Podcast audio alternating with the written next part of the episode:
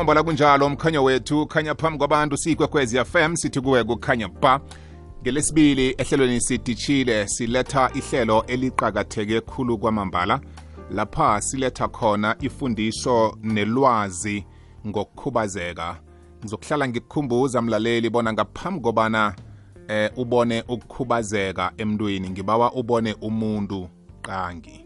Ngoba abaningi bethu sibona ukukhubazeka komuntu bese sibize umuntu ngokukhubazeka kwakhe.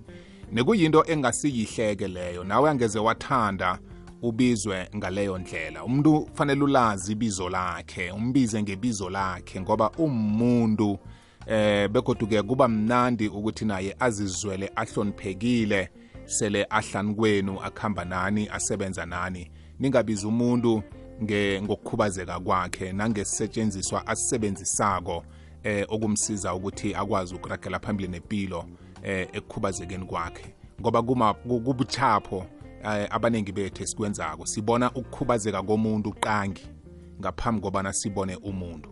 Ngibawa ubona umuntu bona umuntu qangi bona umuntu ngaphambi kobana ubone ukukhubazeka ngoba akasikho ukukhubazeka kwakhe unguye. Namhlanje angikhambi ngeyadwa ngikhamba notom mashiya uvela ke bakwa-dpsa mnumzana umashiya yeje mthombothi silotshise baba kunjani? Kamnandi uhlwe njani ngapho? Ah ngihlwile mfana omdala umraro awukho. Ngiyathokoza tom. Ngithokoza khuluma mambala ukungiboleka isikhathi kusemini nje kunenge ekwenziwako ema-ofisini njalo njalo. Namhlanje sisiqedelela indaba ye-back to school campaign sithinda ihlangothi lenisiza ekukhubazekeni nisiphatheleni Eh baba umthombothi angikulochise ngitshisa nomvezi wakho ngapho ngilochise nomlaleli ekhaya. Eh sibuye sithokoze kumlaleli ukuthi uhlala beka indlebe eh sicabanga ukuthi kunefundiso edlulayo mthombothi ku kulento osoyishile ekhulukhulu esihlokweni sanamhlanje. Ukhumba ukuthi sikhulumile khudlwana ngokuthi eh umuntu okhubazekileyo wona kasesikolweni ngiziphi izinto ezenzakalako namkha imfanelo ezifunakalako ukuze naye azithole eh afunda njengawo woke umuntu njengoba sikhuluma nge-back to school campaign. Kodwana engicabanga ukuthi kufanele sikuqedelele namhlanje indaba yensetshenziswa lezi ezisetshenziswa umuntu nomntwana ofundako okhubazekileko. Sithome ngokuthi umntwana nakasekumbeni eh uyafuna ukuthi kujame utitshere phambi kwakhe akhulume naye amuse kuba nalabantwana abanekinga yendlebe uthola umntwana eh akezwa endlebeni.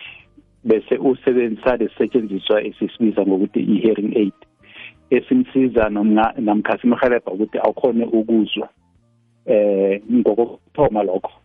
Bese kuba nalabantwana laba abasebenzisa intulo zokuhamba enkolweni eh uthola umntwana khona ukhubazeke physical hayi mental eh ngikho ngabanye laba esithi isetshenziswa sabo ebasebenzisako kuba lentulo zokuhamba kodwana laba khona kuyafuneka ukuthi kube nama-ramp ukuze bakhone ukuthi isetshenziswa lesi sikhambe lapho. Kuba nabanye uthola ukuthi abantwana basebenzisa ingodo lezi zokuhamba esibiza ukuthi ma-crutches. Ngezinye iinsetshenziswa ezisebenziswa abantwana eh abakhubazekileko enkolweni okhunye ngile sisetshenziswa esibiza ukuthi i-brain esiscarce boko singazi ukuthi eh singatholakala kanjani lula ukuze woke umntwana akhona ukuthi asebenzise laba abasebenzisa ilimi lamathwayo ngiyacabanga ukuthi bayamzwisisa. Ukuthi abanye babo kumele basebenzise i-braille so ngezinye zezisetshenziswa lezo ezisetshenziswa bantwana abakhubazekileko enkolweni ukudlula lapho-ke bese kuba nalama-adaptive methods asetshenziswa zinkolo namkha enkolweni lezi la kunabantwana abakhubazekileko khona ngobuningi engicabanga ukuthi nehlelo le-inclusive education liyak-encourage lokho ukuthi lama-adaptive methods eh asetshenziswe ebantwaneni abakhubazekileko. Sikhuluma ngokuthi mhlambe umntwana akakhoni ukubamba i-ball pen namkha akakhoni ukubamba incwadi kuba nalezi zinto lezi utho ukuthi usebenzisa isandla ukubamba eh in fact ifakwa esandleni ukuze akhona ukubamba i-ball pen akhona ukubhala akhona ukwenza into ezingalezo eh lama adaptive techniques eh ecabanga ukuthi ngamanye nabo azinsetshenziswa ukuze umntwana akhona ukuthi abhale akhona ukufunda.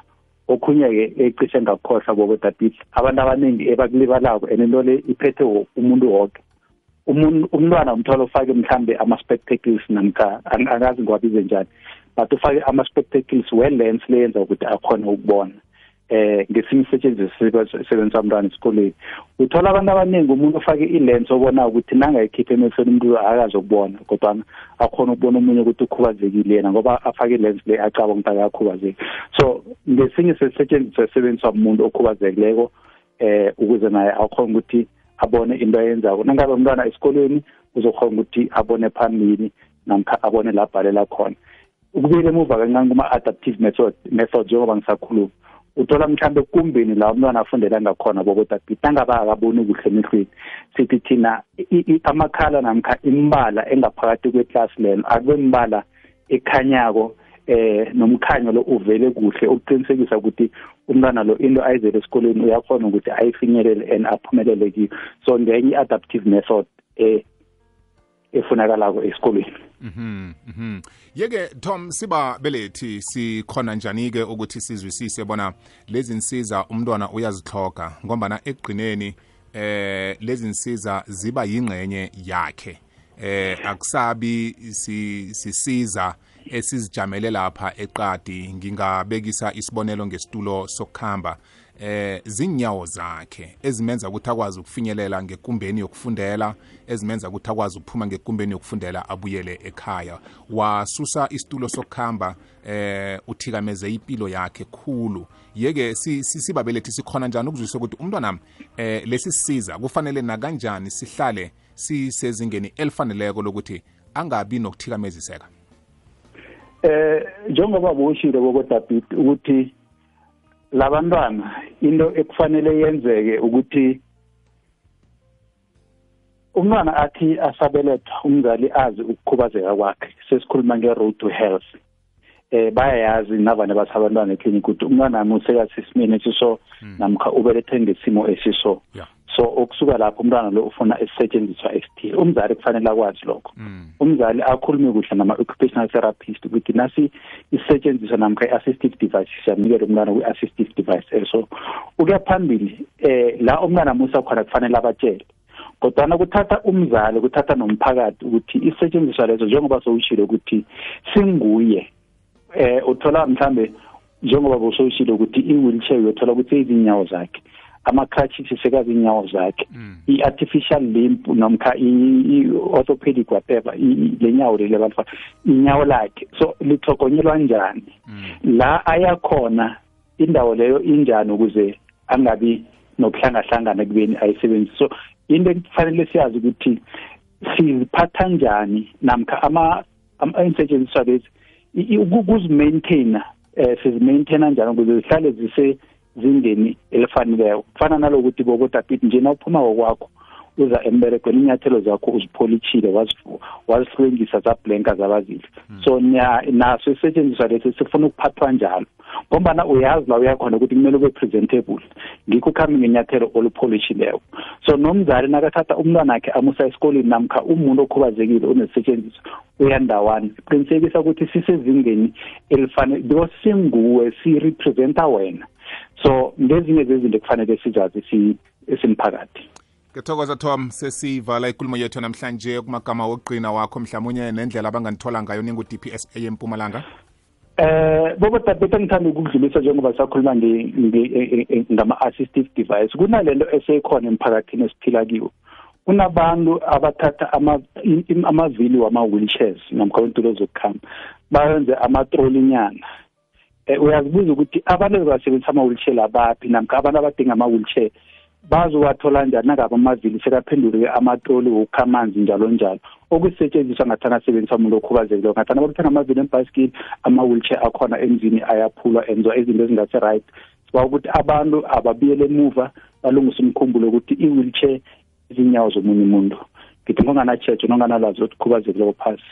Uthathela umuntu okhubazekileko phasi. Itholakala ku-zero one three seven nine four one seven one one. Thokozile tom ube nemini emnandi. Thank you baba